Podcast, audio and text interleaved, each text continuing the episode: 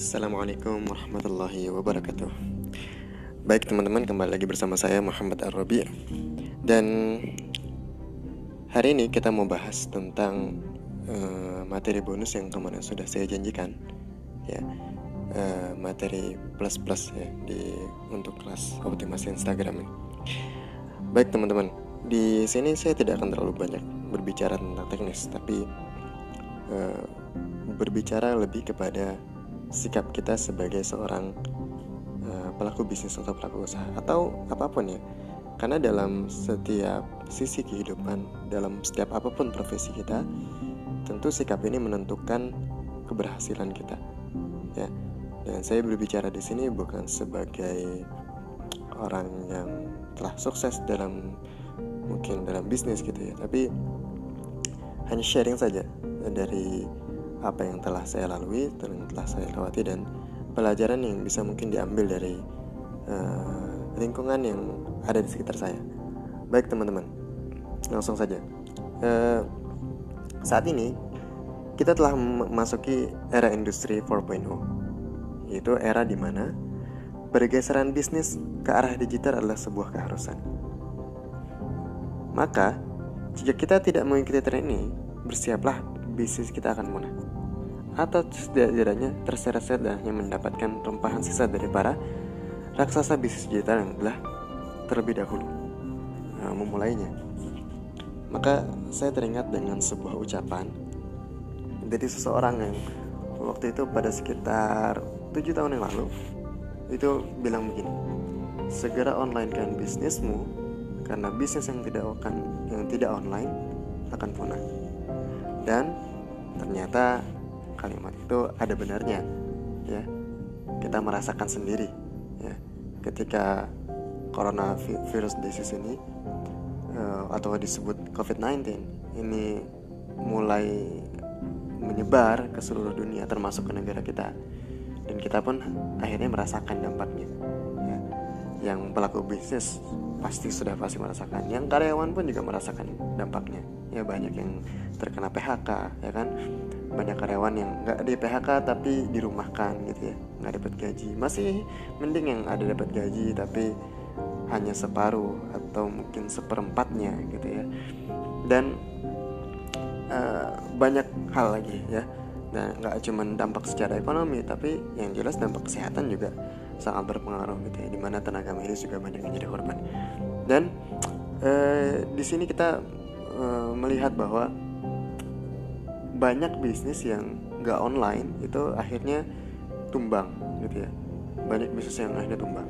Dan alhamdulillah syukurnya kita di Keling ini uh, sudah memulainya gitu ya. Walaupun belum 100% ke digital gitu ya. Karena uh, tentu ada prosesnya teman-teman ya.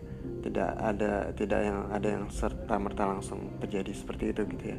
Jadi jadi online nya gitu ya dan tapi alhamdulillahnya itu semua udah kita lalui prosesnya gitu ya.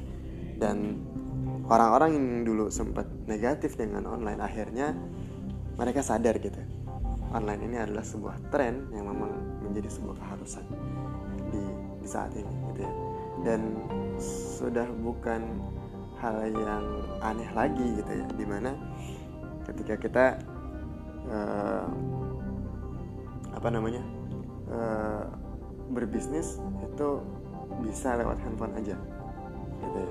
Nggak harus ketemu secara offline. Dan memang tidak bisa kita paksakan juga. Tidak semua orang itu bisa menguasai ini. Gitu ya. Dan saya pun memahami itu. Ya. Mungkin di antara teman-teman juga begitu ya. Masih ada yang belum paham masih ada yang belum mengerti gitu ya. Itu uh, suatu hal yang tapi menurut saya gini uh, sesuatu yang bisa dipelajari itu bisa dipraktekkan insya Allah walaupun mungkin belajarnya sulit ya. tapi ingat ya batu batu aja yang ditetesin air terus menerus ya, itu bisa berlubang ya. apalagi kita otak manusia itu luar biasa uh, hebat sudah Allah berikan ya komputer aja itu bisa diupgrade otak manusia ini jauh-jauh lebih hebat karena Allah yang ciptakan gitu ya nah eh, tapi gini teman-teman di antara bisnis-bisnis yang bertumbangan seperti perhotelan seperti uh, travel gitu kan terus uh, banyak ya garment gitu kan pabrik-pabrik banyak yang tutup gitu ya saya melihat tidak semua usaha itu tutup ya. Justru ada kecenderungan platform-platform online ini sangat uh, naik gitu ya. Seperti kita lihat sendiri di dunia itu gaming online tuh naik sekali. Ya, gaming online online shop ya. di Indonesia sendiri online shop tinggi. Bahkan uh, buku ya uh, toko buku online itu meningkat penjualan karena mungkin banyak orang yang di rumah gitu ya, cenderung untuk uh, bingung gitu mau ngabisin waktu dengan apa kalau anak, anak mudanya bingung ngabisin waktu dengan apa akhirnya main game gitu ya. Makanya game-game itu laris bahkan yang berbayar pun banyak yang beli gitu ya. Nah uh, artinya gini di setiap di setiap krisis pasti ada peluang. Banyak kita bisa belajar dari krisis-krisis sebelumnya ya. di 10 tahun silam di tahun 2008 itu ada krisis global juga. Nah di saat krisis itu banyak bisnis yang bertumbangan banyak orang-orang miskin baru berjatuhan gitu ya yang kaya jadi miskin gitu. Tapi di sisi lain banyak juga orang kaya baru nah kalau kita bisa tarik lagi ke tahun 98 begitu juga polanya ya. um, banyak ketika ya krisis moneter ya di uh, bahkan nggak cuma di Indonesia di itu terjadi di seluruh dunia gitu ya nah uh, di mana ketika banyak orang-orang kaya jatuh miskin tapi ternyata banyak orang miskin yang jadi kaya gitu ya. selalu ada dua sisi ya. dan begitu juga makanya ada istilah di setiap krisis pasti ada peluang dan setiap krisis pasti melahirkan orang kaya baru gitu ya nah eh, ini tergantung jadi tergantung bagaimana kita menyikapi ya jadi kalau hari ini anda memiliki usaha yang uh, turun gitu ya kehilangan penghasilan nggak apa-apa nangis dulu ya. Saya pun juga begitu beberapa bulan yang lalu ya. Ketika awal COVID-19 ini ramai di Indonesia padahal di dunia sudah ramai sebelumnya ya dari Januari. Tapi di Indonesia baru ramai bulan Maret gitu ya. Usaha-usaha saya banyak yang sudah tutup awal gitu ya. Awal corona masuk langsung uh, beberapa event yang saya harus isi sebenarnya akhirnya batalkan di cancel. Wah di situ saya mulai mikir ini uh, corona akhirnya mulai berdampak pada perekonomian saya. Dan ternyata nggak cuma itu aja nggak cuma event-event aja ya. Tapi juga berdampak pada bisnis saya yang lain gitu ya. Saya punya satu bisnis bisnis pelatihan ya yang bekerja sama dengan sekolah-sekolah ya. Bekerja sama dengan sekolah sekolah akhirnya terpaksa tutup karena memang sekolah-sekolah diliburkan apalagi pesantren gitu ya. Dan zero ya, zero income dari situ nangis dulu ya nangis dulu nggak apa-apa gitu ya. Tapi jangan lama-lama nangis. Bahwa ya oke okay lah kita dapat ada teman-teman yang bantu kita gitu ya. Syukur uh, kita masih punya lingkungan yang positif gitu ya. Lingkungan yang saling tolong menolong gitu ya. Kadang kita menolong kadang kita yang ditolong gitu ya, di saat kita susah. Tapi nggak bisa dong kita selamanya begini gitu kan. Ya nggak sih? Masa kita ditolong orang terus gitu nah, ayo kita bangkit gitu ya. Dan uh, dulu uh, ada istilah begini dunia jadikan dunia di genggamanmu. Jangan di hati. Ya. nah, dan uh, kalimat itu betul-betul terjadi sekarang ya.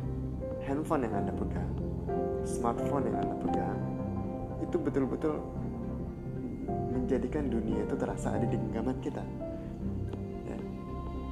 teman-teman bayangkan dulu kita nggak kebayang bisa menjadikan menjadi apa ya bisa bisa mendapatkan satu profesi baru ya, menjadi sebuah menjadi uh, seorang profesional hanya menggunakan handphone. Tapi saat ini bisa ya, anda punya kemampuan desain anda bisa optimalkan di Canva ya, anda punya kemampuan uh, fotografi anda bisa maksimalkan itu di uh, Instagram bisa anda upload juga di Pixabay di Freepik anda dapatkan banyak komisi dari situ. Ya anda punya kemampuan uh, desain grafis yang lebih hebat lagi anda bisa jualan ya, di Instagram banyak ya. dan uh, anda punya kemampuan apa lagi uh, nyanyi kah atau apa gitu. Kalau anda PDN bisa apa itu. Anda punya kemampuan storytelling gitu ya. Nah ide-ide uh, itu ya kemampuan-kemampuan itu yang tadinya mungkin ada di kita tapi kita tidak pernah oh apa sih? Apa mungkin sih ini tuh bisa dikembangkan gitu? Dan itu pun saya rasakan dulu saya rasakan kemarin-kemarin. Saya punya basic di sosial media ini sebenarnya sudah lama ya. Sejak tahun 2017 akhir ya saya mulai ikut beberapa pelatihan sosial media. Di tahun 2018 saya bekerja di sebuah perusahaan sosial media juga gitu ya menjadi admin gitu ya belajar dari situ gitu ya. Di 2018 akhir saya bantu para caleg gitu ya untuk bertarung di DPR gitu ya memperebutkan kursi di sana sampai 2019 gitu ya. dan akhirnya kemampuan itu kembali terasah gitu ketika pandemi ini. Jadi selalu ada hikmah ya selalu ada hikmah ya. Selalu ada selalu ada hikmah bagi orang beriman gitu ya. Dan uh, suatu kejadian itu bisa kita lihat dari dua sisi. Mungkin ada sisi buruknya tapi selalu ada sisi baiknya yang bisa kita ambil insya Allah. Gitu ya. Dan uh, tinggal kita mau mengambil yang mana. Nah gitu. Apa kita mau terus menerus ngambil dari sisi yang buruknya? Ya, kita ambil dari sisi yang coba ambil dari sisi positifnya. Oke. Okay. jadi itu yang terjadi. Nah terus apa yang bisa kita kita ambil hikmahnya jadi handphone yang saat ini kita genggam itu adalah aset yang sangat berharga.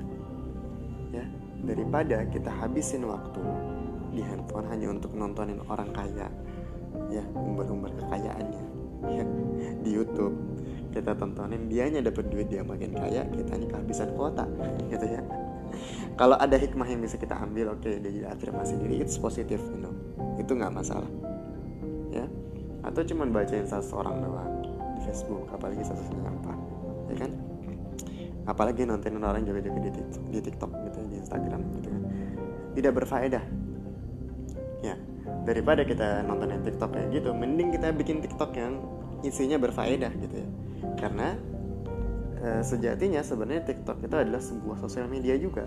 Sama seperti Instagram, Facebook, Twitter dan lain-lain gitu. Hanya memang dia lebih ke musik gitu ya lebih ke musik. Jadi memang marketnya juga beda niche-nya tuh beda banget gitu. Jadi kalau istilahnya tuh kalau Facebook itu ada di usia 35 ke atas Instagram ini 35 sampai 25 maka TikTok ini menguasai pasar di 25 sampai 15 tahun bahkan sampai anak-anak gitu ya. Jadi punya market yang memang betul-betul berbeda. Artinya gini teman-teman. Kalau kita menyasar market Facebook uh, kita menyasar orang-orang yang sudah cukup mapan mungkin gitu ya uh, sudah sudah cukup pada usia uh, yang ekonominya sudah stabil gitu. Tapi ketika kita masuk di Instagram, kita akan ketemu banyak sekali wilayah orang yang di usia yang sangat produktif. Gitu ya. Artinya apa?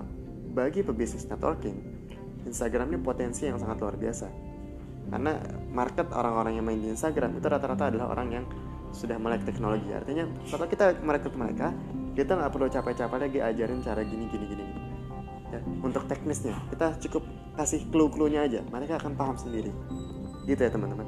Tapi kalau kita mau bisnis kita awet sampai masa depan maka coba kita uh, perhatikan lagi satu market yang namanya di TikTok. Nah ini disebut istilahnya adalah omni channel. Omni channel adalah uh, kita uh, memiliki uh, apa namanya uh, profil branding itu, profil branding itu ada di mana-mana. Ya, karena begini, orang yang mungkin melihat anda di Instagram, dia juga punya, pasti punya Facebook, dia penasaran. Nah, ada nggak sih misalnya uh, Robby ini di Facebook ya. ketika dia ketemu saya di Facebook dia mungkin penasaran kan dia punya Instagram dia akan cari saya di Instagram. Bahkan mungkin dia karena sering nonton YouTube dia juga akan saya cari saya di YouTube. Nah, maka ini adalah sebuah peluang ya di mana kita bisa mengoptimalisasi bisnis kita melalui segala macam sosial kanal sosial media yang ada. Gitu teman-teman. Nah jadi gunakan handphonemu dan stop mengeluh dan mulailah bisnis dari saat ini. Ya mulailah kapan? Mulailah saat ini juga. Karena tidak ada satu kondisi sempurna untuk memulai sesuatu kecuali saat ini juga. Nah lalu apa langkah-langkahnya? Langkah pertama adalah bangun personamu ya. Bangun personal brandingmu di setiap kanal sosial media dengan istilah omnichannel tadi ya. dan bangun satu bangun dengan selaras gitu ya ya jangan berbeda-beda. Ya misalnya di Instagram profilnya bisnis. Tapi di Facebook ternyata uh, profilnya beda lagi gitu ya. Atau di YouTube-nya isinya juga beda lagi gitu. Sehingga ini akan menimbulkan uh, uh, minus trust gitu ya. Ketidakpercayaan orang terhadap profil kita ya. Terhadap branding yang mau kita bangun gitu ya. Apa sih itu profile branding sebenarnya profile branding itu uh, bisa kita bahasakan dengan kalau brand itu kan cap ya atau citra gitu ya. Apa sih yang tertanam tercitrakan ketika orang menyebut menyebut nama kita? Nah profile branding sejati itu adalah ketika sebenarnya orang ngomongin kita di belakang gitu. Orang itu gibahin kita tuh kayak gimana positif kah atau negatif gitu ya. Nah itulah profile branding kita yang sebenarnya sebenarnya dan buat orang yang belum mengenal kita kita bisa membangun profile branding yang uh, positif gitu ya. Tentu juga harus diiringi dengan uh, diri kita yang sebenarnya gitu ya. Karena namanya profile branding itu kita nggak bisa bohong-bohongan gitu ya. Personal branding itu nggak bisa bohong-bohongan gitu ya. Dan memang harus murni dari kita. Nah jadi selaraskan citra kita di setiap kanal yang ada dan lakukan dengan profesional lalu step kedua adalah Nah, kenapa kita perlu personal branding yang bagus ya? Karena memang namanya bisnis kita mengajak orang berbisnis itu dengan kita.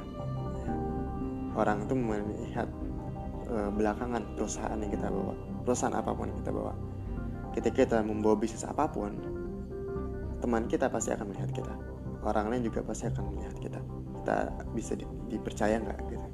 Nah, kalau kita bukan orang yang bisa dipercaya, maka kemungkinan besar tidak akan deal ya bisnis apa pun ya nah step kedua adalah uh, selain kita membangun personal bisnis personal branding kita juga bangun yang namanya kolam atau traffic nah kenapa sih traffic ini penting ya kalau kita dulu difahamkan di business networking itu uh, daftar nama ya atau bahasa kerennya sekarang adalah list building atau big data. Kenapa Facebook uh, membuka kalau kita buat akun Facebook itu gratis, kita bikin WhatsApp itu gratis, ya kan? Kita bikin apalagi akun Telegram, Instagram, dan banyak sosial media lainnya itu gratis. Sebenarnya kalau kita tahu ketika kita membuka semua uh, sosial, akun sosial media itu kita membuat akun sosial media itu tidak ada yang gratis. Kita membayarnya dengan data yang kita berikan. Nah, dari situ mereka dapatkan nomor handphone kita alamat email kita ya kan bahkan tahu foto kita dapetin wajah kita itu adalah aset buat mereka. Dan tahu dan yang lebih berbahaya lagi adalah mereka tahu perilaku kita. Semua sosial media itu membaca perilaku setiap penggunanya makanya kenapa explore halaman explore saya dan teman-teman itu berbeda ya. Explore saya di Instagram dan explore teman-teman di Instagram berbeda.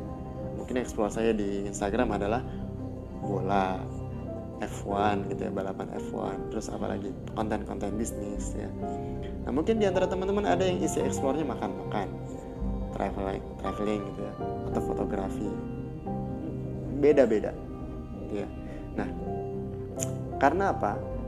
Semua uh, platform itu membaca perilaku para penggunanya. Ya. Ada dua kubu besar sebenarnya di dua di kanal sosial media itu, yaitu grup Facebook sama grup Google. Nah, kalau kita tahu Google itu ada Gmail, ya, ada YouTube, uh, uh, Google, apalagi uh, mesin mencari ya terutamanya.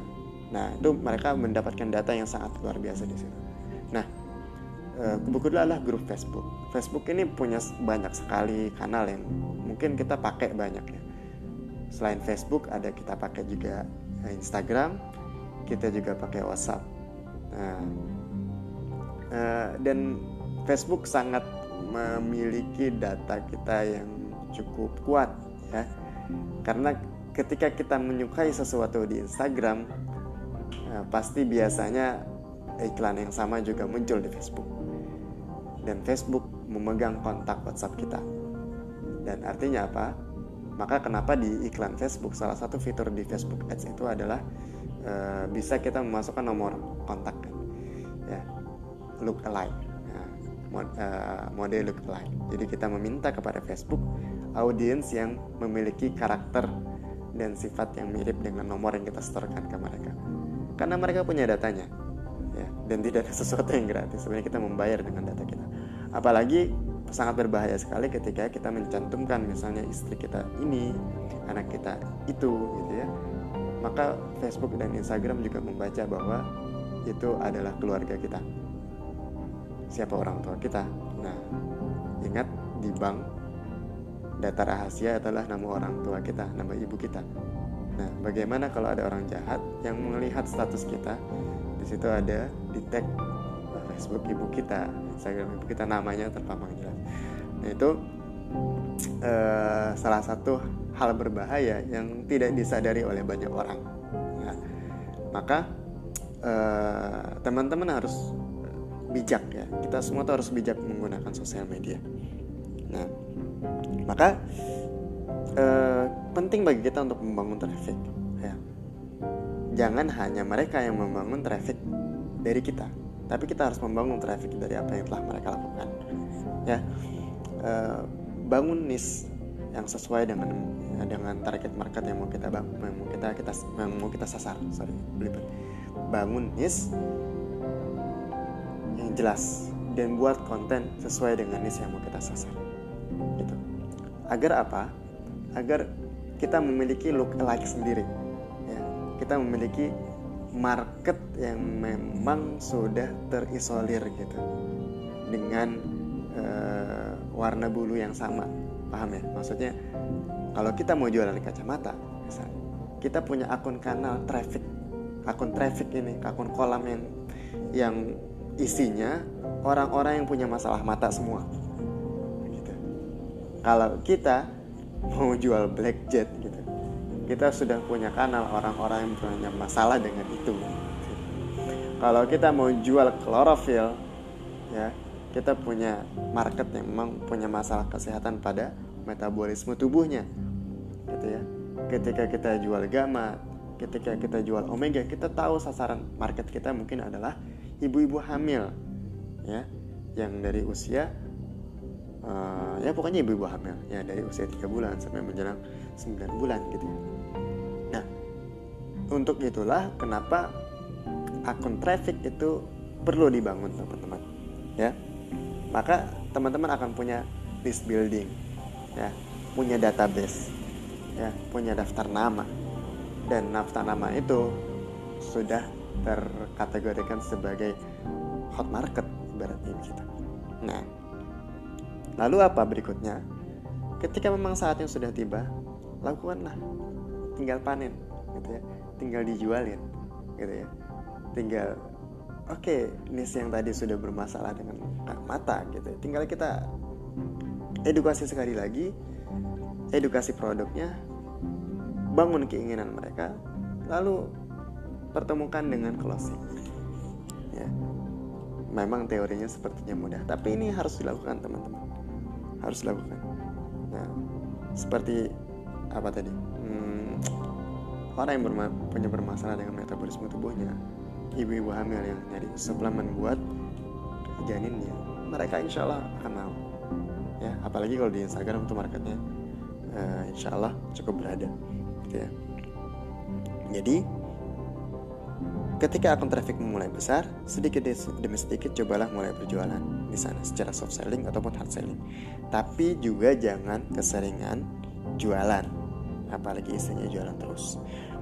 Jadi sedikit sedikit demi sedikit jualan tapi perbanyak juga konten yang bermanfaat. Nah berikutnya adalah jangan pernah berhenti. Saya paham ada kondisi di mana kita sepertinya kok kayaknya postingan kita menurun. Ya postingan kita nurun ininya apanya nah, interaksinya like-nya turun gitu ya saya juga mengalami itu. Dan saat ini saya sedang ada di fase itu gitu tapi menyerah tidak membuat kita berhasil gitu masalahnya. Keep going aja. Keep going. Lakukan terus. Ya. Nggak peduli lah. Saya sekarang udah menetapkan uh, satu komitmen baru. Nggak peduli orang mau like berapapun. Mau like-nya cuma 40, 50, 80 gitu ya nggak nyampe 100 peduli amat. Gue yang penting gue posting. Yang penting konten ini menurut saya ini bermanfaat gitu ya. Tapi kita juga tetap harus riset ya. Kita tetap harus riset evaluasi. Kenapa ini turun ya? Gitu ya. Ada apa ya? Ada kesalahan teknis kah atau ada kesalahan hashtag kah atau ada kesalahan caption? Atau mungkin konten grafisnya kurang menarik atau mungkin isi konten yang benar-benar nggak menarik gitu. Tetap kita harus evaluasi ya. Jangan juga oh peduli amat lah gitu. Terus konten yang yang sebenarnya nggak bagus tetap kita produksi. Nggak tetap kita evaluasi. Nah selanjutnya adalah keep dreaming and keep learning. Jadi uh, tetaplah bermimpi dan teruslah belajar. Sampai saat ini saya terus ikut training-training komunitas-komunitas baru. Maupun, maupun itu gratis maupun itu bayar saya akan ikut. Kenapa uh, teman-teman gini. Sesuatu yang nggak kita bayar dengan uang itu harus kita bayar dengan waktu. Sesuatu yang nggak kita bayar dengan waktu kita harus bayar dengan uang. Ya. kita bisa kok belajar memahami semuanya tanpa menggunakan uang. Tapi itu membutuhkan effort ya riset data waktu yang cukup lama gitu ya. Tapi kita bisa mempercepat itu ya. Ketika orang mungkin sukses mencapai suksesnya dalam waktu lima tahun dengan jatuh bangun. Dia merintis menemukan data riset dan sebagainya. Kita bisa mendapatkan kesuksesan orang yang sudah lima tahun itu hanya dalam waktu satu bulan dengan kita membayar orang itu untuk ngajarin kita. Gitu ya. Ini juga berlaku pada proses iklan. Ada iklan yang organik ada iklan yang ads. Gitu ya. Saya sudah coba lakukan semuanya. Ya. Dan saya belajar sampai saat ini di iklan saya yang organik saya memainkan SEO. SEO yang iklan SEO yang saya buat dua tahun lalu sampai sekarang masih mendatangkan traffic. Ya iklan SEO yang saya bangun waktu itu dua tahun yang lalu sekali itu masih sampai saat ini masih mendatangkan traffic. Ya. Memang lama lama banget itu naiknya. Tapi ketika itu sudah jadi gitu ya berlangsung seperti kita menanam pohon. Pohon itu lama tumbuhnya. Tapi kalau udah pohon itu jadi maka dia akan berbuah terus. Nah seperti itulah ibaratnya SEO nah tapi ads itu seperti kita apa ya mancing atau nambak gitu ya. Kolamnya udah disiapin. Kita tinggal bayar eh, sanggup ngambil berapa banyak gitu loh. Gitu ibaratnya begitu. Kita tinggal nyemplung ke kolam yang udah orang lain bang. Ibaratnya Facebook itu kolam Instagram itu kolam. Ya kita tinggal mau ngambil kolamnya secara organik mancing gitu atau ngambil langsung pakai apa tuh galah. Nah begitu. Jadi uh, keep learning ya. Saya belajar banyak dari para leaders ya. Uh, dari banyak orang yang sudah berhasil mereka justru semakin sukses mereka semakin sering mereka belajar semakin banyak buku yang mereka baca semakin banyak seminar yang mereka ikuti gitu. semakin banyak guru-guru yang mereka datangi gitu ya. Artinya artinya apa? Uh, orang sukses itu senang belajar dan saya mencoba meniru itu gitu dengan terus belajar dan juga melakukan.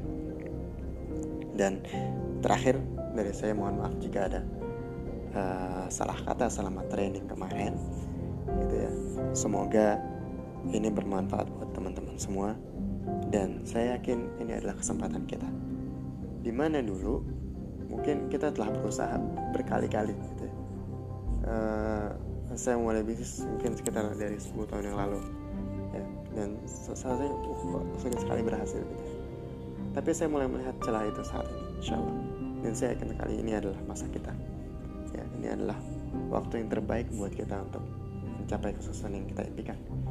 Insya Allah mulailah dari impian kita kembali gali lagi impian kita untuk apa kita berjuang dan berjuang untuk mereka dan jangan pernah berhenti ketika ketika kita lelah. Berhentilah ketika kita telah selesai melakukannya. Sukses untuk kita semua. Assalamualaikum warahmatullahi wabarakatuh